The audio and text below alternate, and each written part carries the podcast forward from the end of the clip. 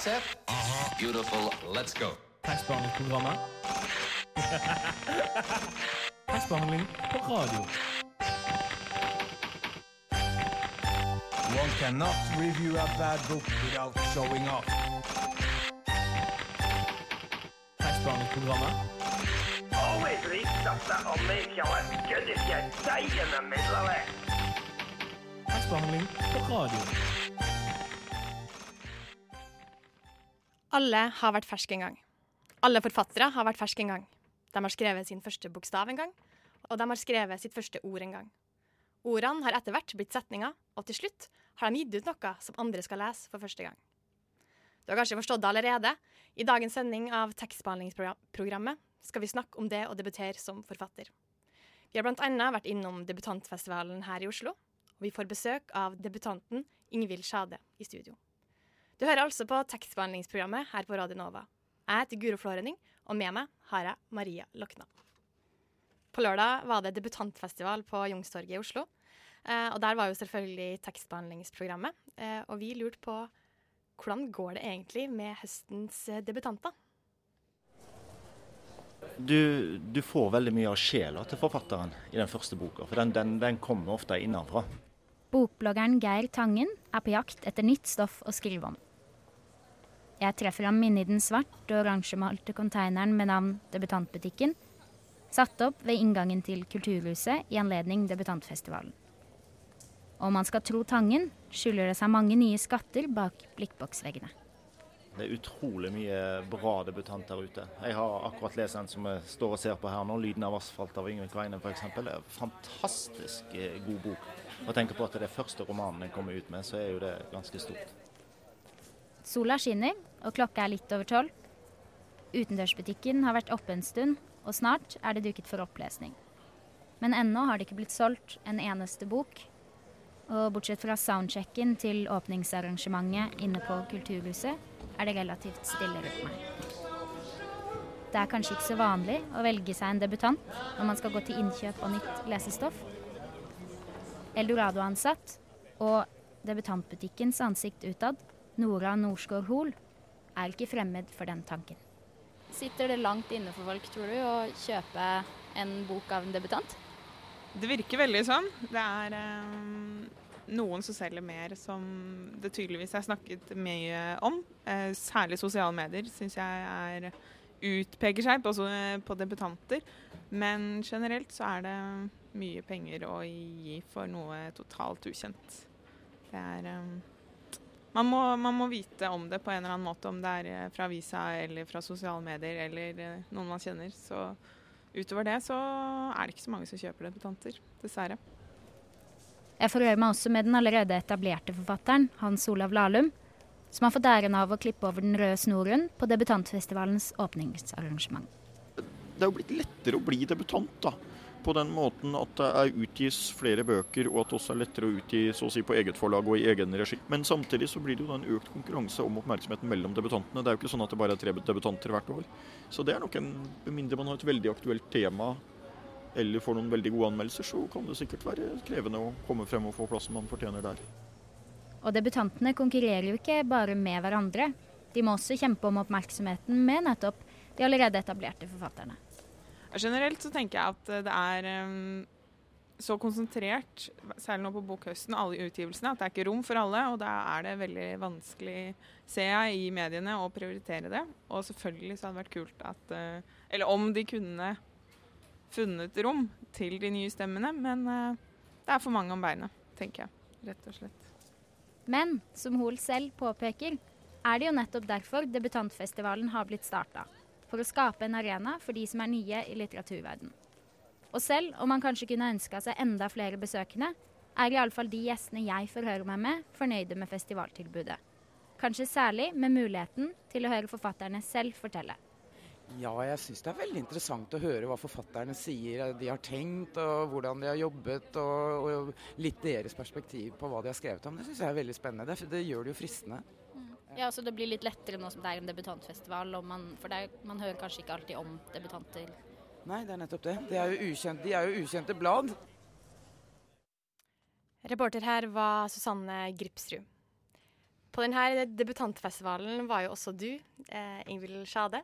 Ja. Du debuterer med boka 'Drammens rekordbok' i høst. Mm. Velkommen til oss. Tusen takk. Ja, eh, som vi hørte i reportasjen, så var det en av eh, bokbloggerne vi snakka med, eh, som sa at forfatterens første bok ofte reflekterte sjelen til forfatteren. Har du lagt sjela di i Drammens rekordbok? Ja. det, det, det hørte jeg at han sa. Det syns jeg var veldig riktig. Eh, jeg tror man eh, Ja, jeg har fått utløp for veldig mye. Eh, alt jeg har tenkt, og nå er jeg tom.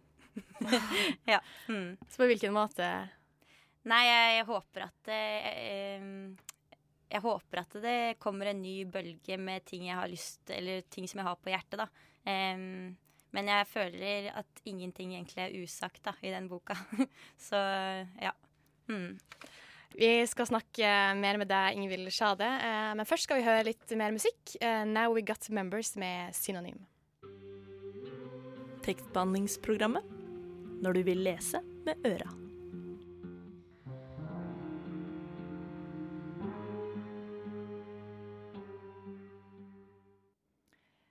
Ingvild Sjade, eh, vi skal snakke mer om eh, Drammens rekordbok, eh, altså debutromanen din, litt senere. Eh, men først er vi litt interessert i å vite om hvordan det er å være debutant. Ja, og um, du var jo på debutantfestivalen og leste. Og hvordan er det å liksom promotere boka si, eller det du har gjort? Um, jeg drakk litt mye øl før jeg skulle på den scenen. uh, men man må jo promotere det litt, da. Det er jo litt Men uh, jeg syns at det er litt, um, litt flaut. Uh, fordi at um, Jeg kan jo ikke love at den er bra, på noen måte. Fordi man er veldig blind på det som står skrevet på slutten. Så det blir liksom litt feil å, å dytte den på folk òg. Syns du, det- syns du det er flaut å være her i nå, da? Nå, jeg er litt flau, men jeg prøver å Jeg kommer meg snart. Men jeg er veldig glad for at jeg får komme, da. Flau og glad samtidig. ja. eh, ja, for vi var jo også på debutantfestivalen, og reporter Susanne Gripsrud snakka også med forfatter Gaute Heivold på denne festivalen. Han snakka om at han eh, fikk litt sånn sjokk som debutant. For at han skjønte at det faktisk var andre som skulle lese boka hans. Her skal vi høre eh, på et bitte lite klipp av han. Ja, terskelen er jo at det blir offentlig, og at du ikke har muligheten til å eh, på en måte, Du gir det bort. Det er ikke ditt eget lenger. Og det er fritt fram for andre å mene og si hva de vil om det du har skrevet. da. Så det er jo det som er tersk, Terskelen ligger jo i det selve publiseringa. At du gir slipp på det som har vært nært og personlig, og som du bare har lest sjøl, da. Uh, ja, har det gått opp fra deg at uh, det er noen andre som skal lese boka di, og at du skal gi den ifra deg? Uh, ja, det begynner å gå opp for meg. Men em, det blir rart å høre folk si navnet på karakteren i boka sånn. Og sikkert em, Ja, da har jeg ikke, kan jeg ikke kontrollere de lenger, på en eller annen måte. Så eh, ja, det er litt ja, spesielt. ja. Men er du redd for hvordan, eh, hvordan andre folk kommer til å tolke boka di? Um, nei, eh, jeg håper at det Jeg håper at det finnes mer der enn hva jeg kan vite om, da. Hvis ikke så tror jeg den er veldig flat. Det, jeg er redd for at det bare er alt jeg har kontroll på. Eh, jeg håper at det finnes mer der. Em, men jeg er jo eh, spent på kritikk, om det blir dårlig kritikk. Fordi det bestemmer em, bestemmer litt hva den er verdt, da. For, I hvert fall for meg nå, nå som jeg ikke helt vet hva, det, hva den er lenger. Mm. Hvordan, hvordan håper du at folk kommer til å Eller har du noen tanker om det? Eh, Jeg håper at eh, selv om karakterene mine er eh, ufordragelige, at de heier på dem og har lyst til å henge med dem. ja, det håper jeg, og at de har det gøy da når de leser. Og kanskje så håper jeg at det ikke bare er masse selvfølgeligheter der, da. Men det kan jo hende. Eh, håper at det kan gi noen noe nytt på en eller annen måte. Mm. Um, vi skal også snakke litt eh, Vi har en reportasje senere også om det og hvordan man begynner å skrive. Og, ja. eh, for vi er litt interessert i hvordan man ja, blir man debutant og forfatter. Så øh, hvor- hvorfor begynte du å skrive, egentlig? Um, jeg har alltid fortalt mye historier og vært karakterer foran speilet. Og lagd teater med eh, venninner som driver med skuespill, da, og lagd små forestillinger. Uh, og så begynte jeg på Westerdals, hvor vi fikk uh, Bård Torgersen som tekstlærer. Em, og det var veldig inspirerende. Um, og han fikk oss også til å prøve å skrive langt, da. Uh, så da ble jeg interessert i å skrive og lese. Uh, og det um, ja, er jeg veldig glad for. for det har gitt meg masse. Mm. Men Mm. før du kunne skrive langt, hvordan var det du skrev da? Du måtte jo ha skrevet litt for å komme inn på Westerdals. Ja, men uh, Og det, jeg tror det sitter igjen måten jeg skriver på fortsatt, da. Eh, men jeg, har veldig mm, Kanskje litt ukontrollert. Mye spontane ideer. ja. Mm. Hvordan er det egentlig Hvordan er det for deg nå å være forfatter? Føler jeg som en forfatter? Um, jeg, tror, jeg tror ikke man kan si at man er forfatter, har jeg hørt, før man har gitt ut tre bøker. Så nå er jeg debutant. har jeg hørt, da. Men, uh, Men føler jeg som, for, som en forfatter? Eh, nei, jeg er ikke helt den typen. Eller nå har jeg veldig, tenker jeg på det som en veldig type, da. Men Ja. jeg er ikke en Hvordan type er det, da? En, en akademiker. Eh, Men det er jo ikke alle som er det. Men jeg føler det er idealforfatteren, da. Eh, jeg er nok ikke helt eh, der. eh, men jeg skulle gjerne vært det. Jeg håper at jeg kan bli det litt mer. av. Hvordan vil du beskrive deg sjøl hvis du ikke er typiske forfatteren? Um, jeg er en um, Hva En eh, Nei, det klarer jeg ikke. Jeg vet ikke hvordan jeg skal beskrive meg selv. Jeg liker å lage ting, da. Mm, og Mm. underholde og em, Ja. Det gjør jeg. Og så liker jeg å sitte lenge med ting. Så det er kanskje litt sånn forfatteraktig. Eh, eh, å sitte i flere timer og døgn og sånn. Det liker å bli oppslukt av noe jeg lager. Mm.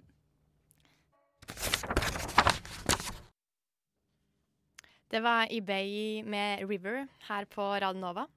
Eh, Du hører fortsatt på tekstbehandlingsprogrammet, og vi har fortsatt besøk av eh, debutforfatter Ingvild Skjade. Du gir ut eh, boka 'Drammens rekordbok' om ikke så veldig lenge. Kan du fortelle kort hva den handler om? Drammens rekordbok handler om åtte mennesker som er veldig spesielle på hver sin måte. De har en eller annen rekord, eh, og så er alle i slekt på en eller annen måte. Um, og de um, opplever um, livet i Drammen. uh, og er veldig ekskludert, men har på en måte sine egne leveregler. Ja, det vil jeg si er kort oppsummert, ja. Ja. ja. Uh, du har også med deg litt utdrag fra boka di. Uh, Ja. Hva er det du skal lese for oss nå? Jeg skal lese oppveksten til en av hovedkarakterene som heter Jan Beige, som er Drammens høyeste mann. Eh, og en av grunnene til at han er Drammens høyeste mann, er at han, når han blir født, eh, så blir han glemt i kuvøse. Eh, inntil han blir plukket opp av Drammens mest eksemplariske adoptivforeldre. Eh, så dette Ja. Nå skal jeg lese fra han blir plukket opp. Ja. Vær så god. okay. Jan Beige blir plukket opp av fire trygge hender. Det er hendene til et hyggelig ektepar med hodene på skakke. Begge har doktorgrad i pedagogikk, de er gjeldsfrie, spiller fiolin, går på ski om vinteren. I sommerferiene har de for vane å besøke eksotiske land som gir dem rystende kultursjokk. En kjekk opplevelse, pleier de å si når sjokket har lagt seg. De er ikke typen til å utbrodere eller overdrive. Sympatisk. Det hyggelige ekteparet er dessuten såpass sosialt oppegående at de vet å vise ekte glede og tilstedeværelse når andre mennesker legger ut om normale rutiner, små problemer og passe rare episoder fra arbeidslivet. Vi syns ingenting er trivielt, vi, sier de med hodene på skakke. Folk må få lette på trykket, men det trenger ikke vi, sier de med hodene på skakke. Vi har nemlig alt på stell, vi trenger ikke ta hensyn til oss selv, vi er til for andre, vi er til for deg, sier de til Jan Beige. Nesten alt Jan Beige kan ønske seg, går i oppfyllelse. Det hyggelige ekteparet adopterer ham, de signe signerer papirer med skråskrift, triller ham i en sportsvogn til et alminnelig rekkehus med skråtak. Jan Beige får soverommet bakerst i huset, der taket er høyest. Dette er det fullkomne norske barndomshjemmet, Jan, sier adoptivforeldrene. De snakker helt sant. Det fullkomne norske barndomshjemmet ligger i et rolig og vennlig nabolag i Drammen. Et nabolag med hekker, sykkelveier og gangavstand til skoler, matbutikk, legesenter og idrettshall. Huset har en liten hageflekk med huskestativ, to epletrær, solbær og ripsbusker. På terrassen en parasoll og tre hvite stoler vendt ut mot sola. Terrassedøra står alltid på vidt gap. Kjøkkenet er lyst, stua er gyllen, et klaver og en vev konkurrerer om plassen. På stueveggene henger fillerier i alle regnbuens farger. Sofakroken består av et furubord, en puff og en beskjeden treseter med bitte små moreller på sitteputene. I vinduskarmen vokser kaktus og røsling ut av keramikkrukker. Det er spikret fast en leveregel på en planke over gardinstanga.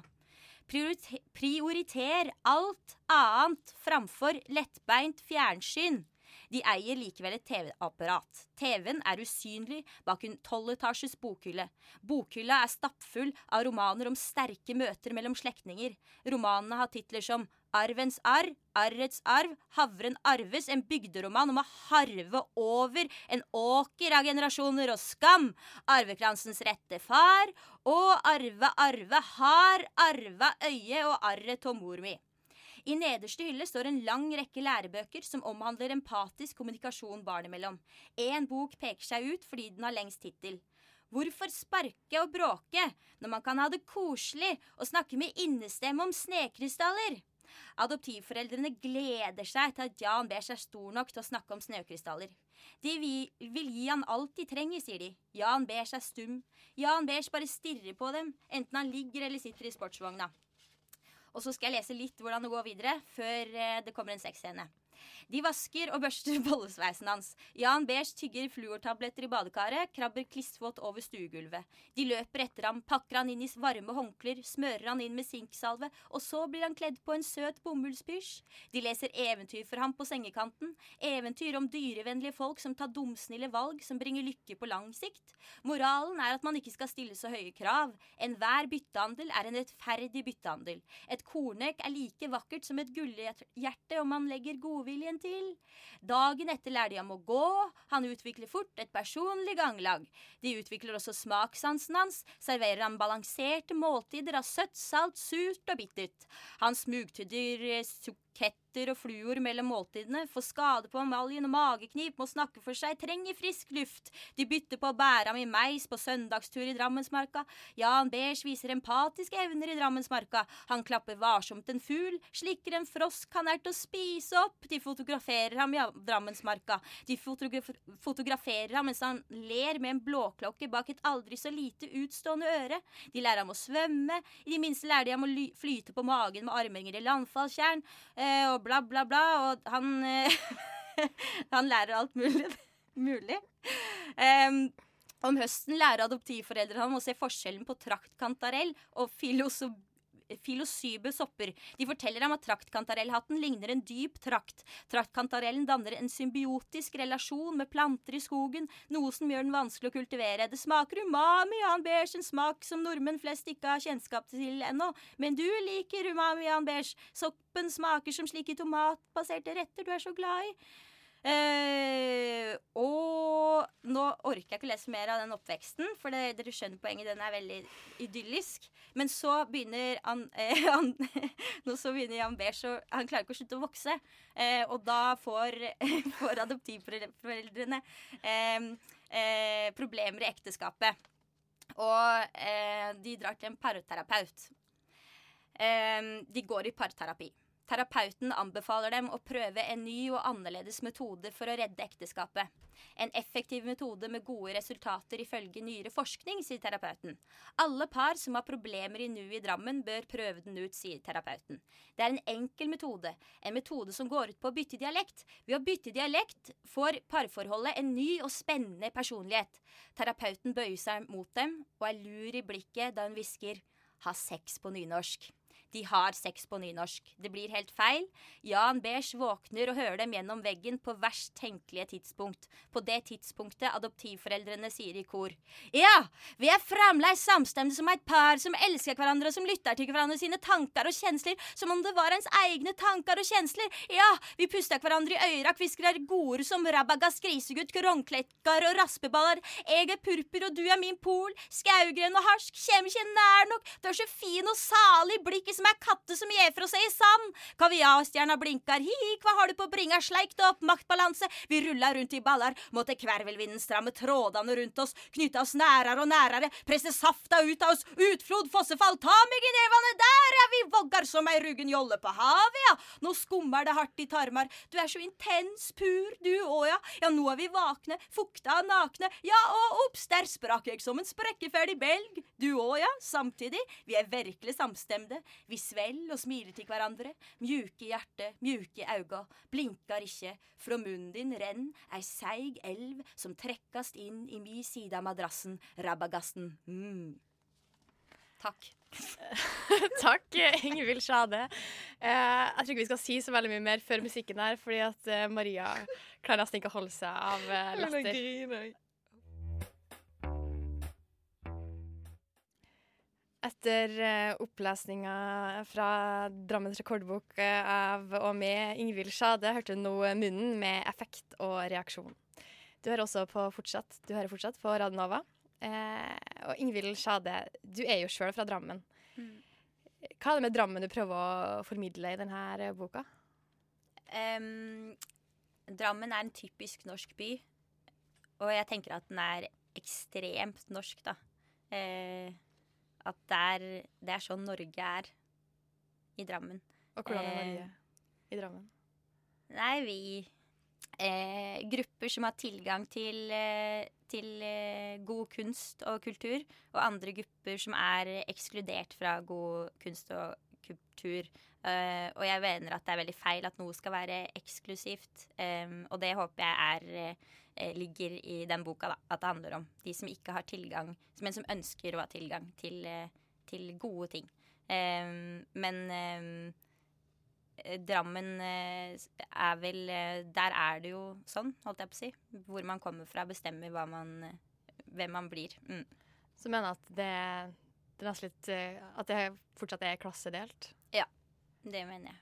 Og du Mm. skriver om dem som er litt uh, lavere klasse. Ja. Folkelige delen av Mm. Drammen. Ja.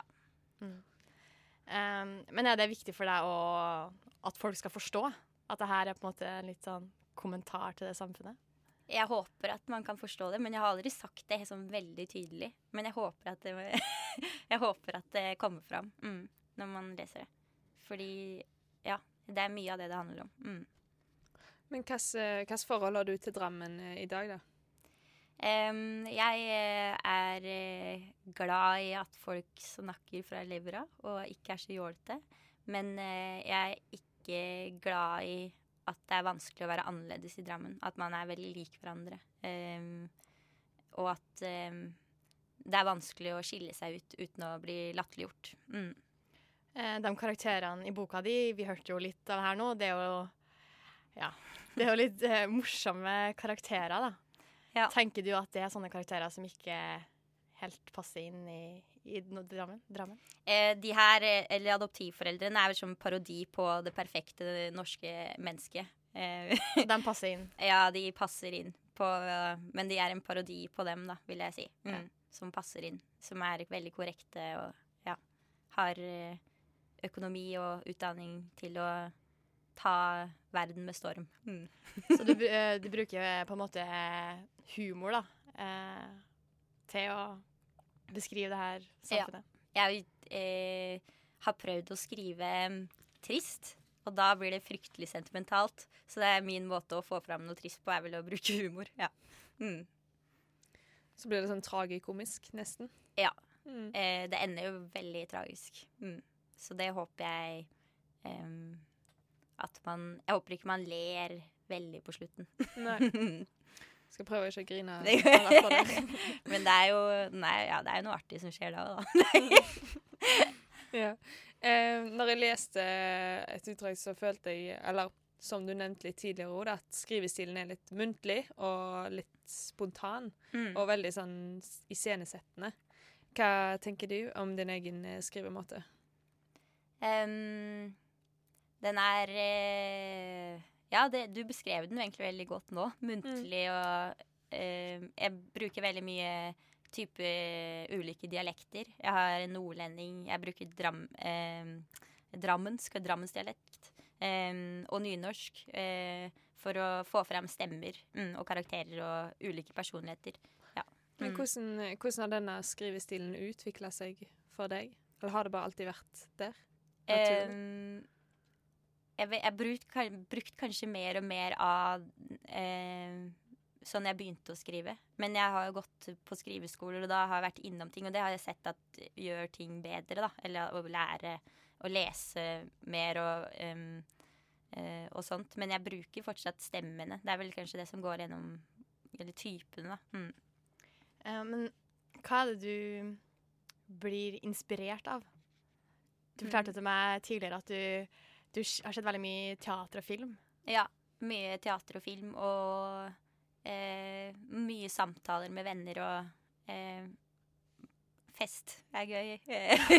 eh, eh, mo- særlig eh, grupp, når jeg har vært på forskjellige steder som jeg har mislikt, har jeg ofte blitt inspirert etterpå.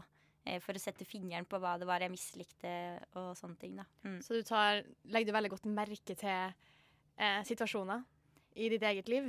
Eh, Jeg tror jeg legger merke til eh, eh, når mennesker ikke vil hverandre vel på en eller annen måte. Eh, det er kanskje Og da kan jeg henge meg opp i f.eks. utseendet deres eller fakter og sånne ting. Og så har jeg lyst til å ta dem litt etterpå, så skriver jeg.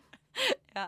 Eh, men jeg, det er sjelden Det er ikke alle jeg møter som er sånn, holdt jeg på å si. Veldig sjelden. Men jeg har jo møtt på noen ufordragelige typer eh, her i livet, må jeg bare si. Men du bruker mye deg sjøl og eh, folk rundt deg til Mm, ja, jeg tror, jeg tror det. I hvert fall meg sjøl. Disse Ja. menneskene her er jo eh, veldig av mine verste sider som jeg har lagd karakterer ut av. Eh, litt for å komme på innsiden av ting jeg ikke har. For man har jo alle egenskapene eh, man misliker, holdt jeg på å si, på en eller annen måte. Tror jeg, da. Men eh, for å komme i, eh, forstå de, så har jeg nok eh, vært veldig Ja, jeg er nok ganske lik disse menneskene på en eller annen måte. Har du et eksempel? Eh, det er han hovedpersonen, Reidar Larsen. Han, jeg kan bare si det. Men han, eh, han er jo eh, ikke akkurat en sjarmør. Men eh, jeg så etterpå at eh, vi har ganske like liv, eller opplevd mye av det samme. Eh, ikke barndom og sånn, for han har en forferdelig barndom. Jeg har vært veldig heldig sånn. Men eh, av utdanning og hva man kan finne på å si når man har drukket og sånn. Eh, det, det er sånn jeg har sagt av og til. Eh, og så så jeg etterpå at han har samme hårfarge som meg. At jeg har skrevet at han har korngull hestehale, og jeg har hestehale og korngult hår. Så jeg tror jeg har skrevet en sånn der, eh, parodi på meg selv på en eller annen måte. Ja, ubevisst. Men eh, jeg har sett det nå at det er veldig litt for likt. Ja. Mm.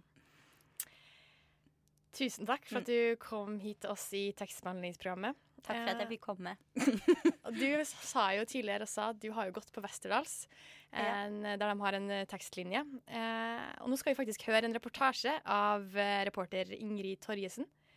Eh, og da kanskje vi får svar på hvor de her debutantene egentlig kommer fra.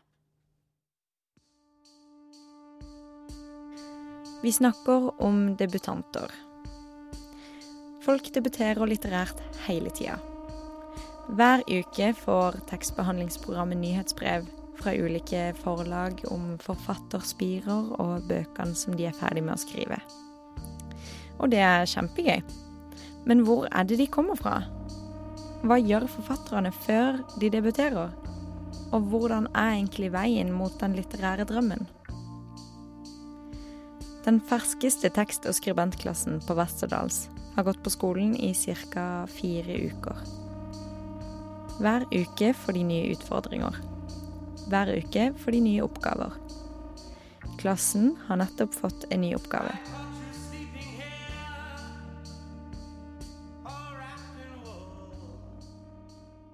Unnskyld meg, hva var, det, hva var det denne oppgaven handla om, egentlig? Observer, sans, lev og vær et menneske. Spesielt da vi skulle passe ikke på Det er noe sånn på en Jeg syns det er mye, mye utrolig fordommer i klassen vår om er vet du hva, la oss drepe er. OK. ok. Oppgavelydene. Oppgavelydene. Gå til Soleplass tre ganger om dagen. Morgen. dag,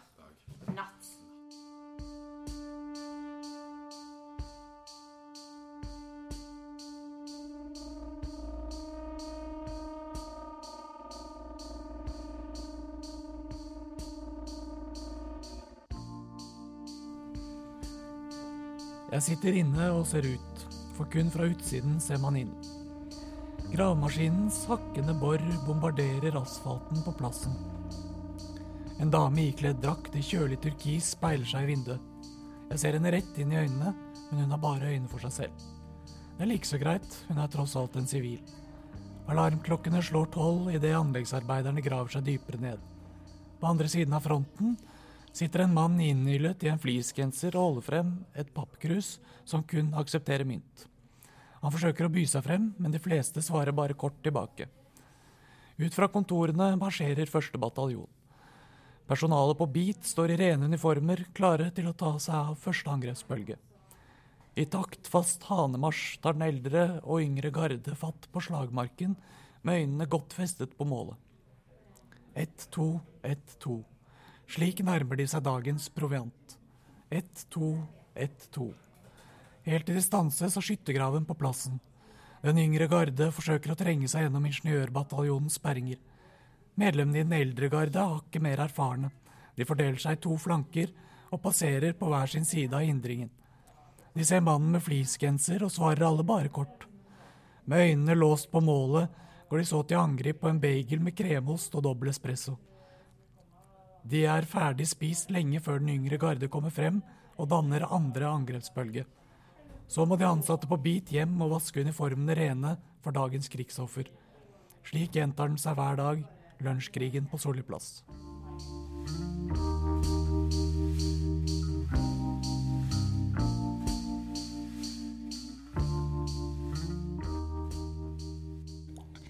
Kanskje øynene mine ikke er åpne nok. Kanskje jeg bare inderlig ønsker at fordommene mine skal stemme. Og kanskje ønsker jeg det hardt nok, for de stemmer, alle sammen. Stilettene og puppene og vippene går rett inn. Det samme gjør Aksel. Vakten krever kun et falskt smil. Vi står utenfor. To damer krangler med dørvakten. Har blitt kastet ut. Kjefter. Roper, roper at de har gått der i 17 år. Vakten kjefter tilbake. Fortauet er trangt, og den eneste jeg faktisk ønsker å treffe, er borte. Fordi Kjakan har kapitulert for lenge siden.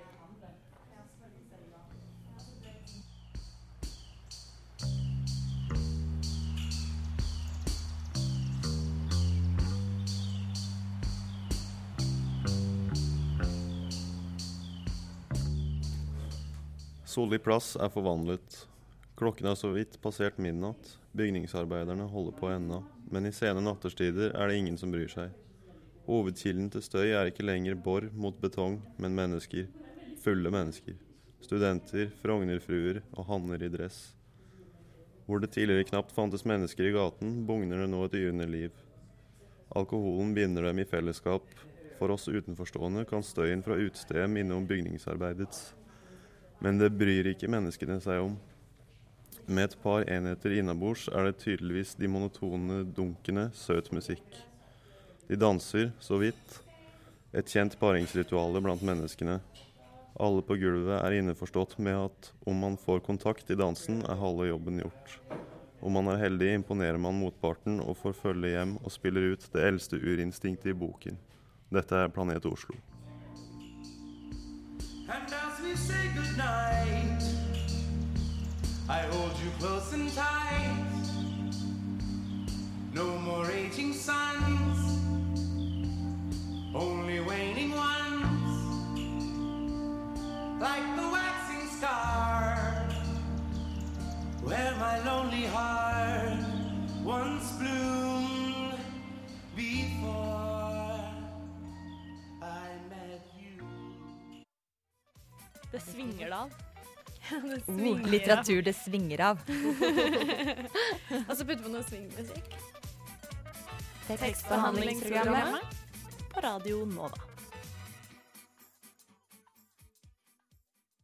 Før den jingelen her så var det Kero Kero Bonito med Sick Beat som kom ut eh, av høyttaler- høyttalerne dine. Eh, vi nærmer oss slutten her i tekstbehandlingsprogrammet, og vi beveger oss bitte litt bort fra debutanttemaet vi har hatt til nå. Eh, for nå så kom akkurat eh, vårt nye redaksjonsmedlem Nora Helseth inn i studio. Hei, Nora. Hei. og du har med en bok som du har, har anmeldt. Eh, hvilken bok er det du har med? Jeg har tatt med Night Film av Marisha Pessel. Og den ble utgitt i fjor høst på engelsk, oversatt til norsk i vår på Gyldendal forlag. Det er hennes andre bok. Hennes første bok het Special Topics in Calamity Physics, og den kom i 2007, da hun kun var 27 år gammel. Denne boken ble en enorm suksess både blant anmeldere og publikum, og tiltrakk seg unormalt mye medieoppmerksomhet da den kom. Så det er klart det var også høye forventninger da han skulle komme med sin andre roman. Og det tok seks år for henne å skrive den. Jeg var veldig overrasket da den kom, for dette var en psykologisk thriller, noe som var eh, tilsynelatende ganske annerledes enn debutromanen. Nightfilm begynner med at en 24 år gammel kvinne ved navn Ashley Cordova blir funnet død i et forlatt varehus i New York. Hun var datteren av den berømte kultfilmregissøren Stanislav Cordova, som var kjent for sine grusomme og fryktinngytende skrekkfilmer. Filmene har vært så kontroversielle at de ikke distribueres på det kommersielle markedet, men er kun å få tak i på såkalte bootlegs på ulovlig vis. Regissøren er kjent for å være svært tilbakeholden, og han har verken gitt noen intervjuer eller offentlige opptredener siden 1970-tallet. Mange tror at han engang ikke eksisterer. Så boken følger journalisten Scott McGrath, som noen år tidlig, etter et mystisk tips fra en tidligere ansatt hos Cordova, gikk til offentlig angrep på regissøren og anklaget ham for å være pedofil. Denne opptreden sørget for at McGrath mistet all kredibilitet, og det sluttet hans karriere. Men når han nå får høre at datteren til Cordova er funnet død på mystisk vis, og politiet oppfatter det som selvmord, bestemmer han seg for å ta saken opp igjen og setter i gang en etterforskning av den hemmelighetsfulle regissøren. Både Special Topics, hennes første bok, og Night Film bærer preg av Pessels svært innovative stil. Den første boken hun skrev, var strukturert som en pensumliste for faget engelsk litteratur, der hvert kapittel var titulert etter et kjent litterært verk. Den var også full av referanser i klammer, både til ekte bøker og verk hun selv hadde funnet på. Og denne stilen ser vi også videre i hennes neste bok, bare at her er det ikke referanser og klammer, her er det fiktive avisartikler, screenshots fra nettforaer, bilder fra Cordovas filmer og til og med hans siste intervju i Rolling Stones. Hun bruker også mange tydelige kjennetegn og motiver fra skrekk- og horrorfilmer, som eksempelvis Detektivhelten, Galehus, barnedrap, okkultisme og hekser. Dette fungerer faktisk veldig godt, fordi det er gjort på en intelligent og en bra måte. Jeg syns også et av de temaene som er mest sentrale i boken, og som fungerer veldig bra, er forholdet mellom fiksjon og virkelighet. Gjennom boken blir det mer og mer utklart for leseren hva som er fantasi, og hva som er ekte. Det oppstår mange uleste tråder der leseren selv må bestemme hva hun eller han tror. Men selv om jeg likte boken veldig godt, så har jeg også et par negative kommentarer. Jeg syns ikke Pessel er så veldig sterk språklig, verken i denne eller den forrige boken. Det blir litt platt og kjedelig, og til tider svært stilisert. En gjennomgående tendens i boken er bruken av svært mye kursiv, som jeg opplever at ikke fungerer så veldig bra. Det er faktisk litt irriterende. Men det jeg syns med Pessel, er at hun er en utrolig god historieforteller. Og jeg ser for meg at hun kunne skrevet kjempegode filmmanus. Så det er kanskje ikke så rart at hun skriver om film. Styrken hennes er definitivt det at hun har klart å skrive en bok på 600 sider som er spennende hele veien. Og selv om jeg aldri har vært noe særlig opptatt av krim, thrillere eller skrekkfilmer, så ble jeg veldig revet med av denne boken. Jeg syns absolutt det er en kjempebra page-turner som samtidig gir leseren noe litt mer enn en tradisjonell krimroman. Kult. Den hørtes jo veldig interessant ut. Jeg pleier som regel ikke å like krim, så kanskje jeg liker den.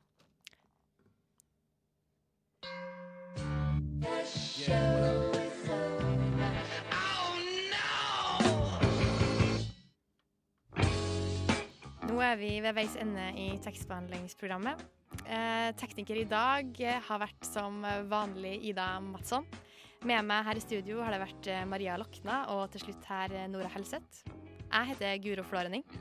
Og i neste uke så må du også skru på FM 99,3. For da møter vi Bård Torgersen. og Damien Vitanza her i tekstbehandlingsprogrammet. Så hør på det, altså. Da vel.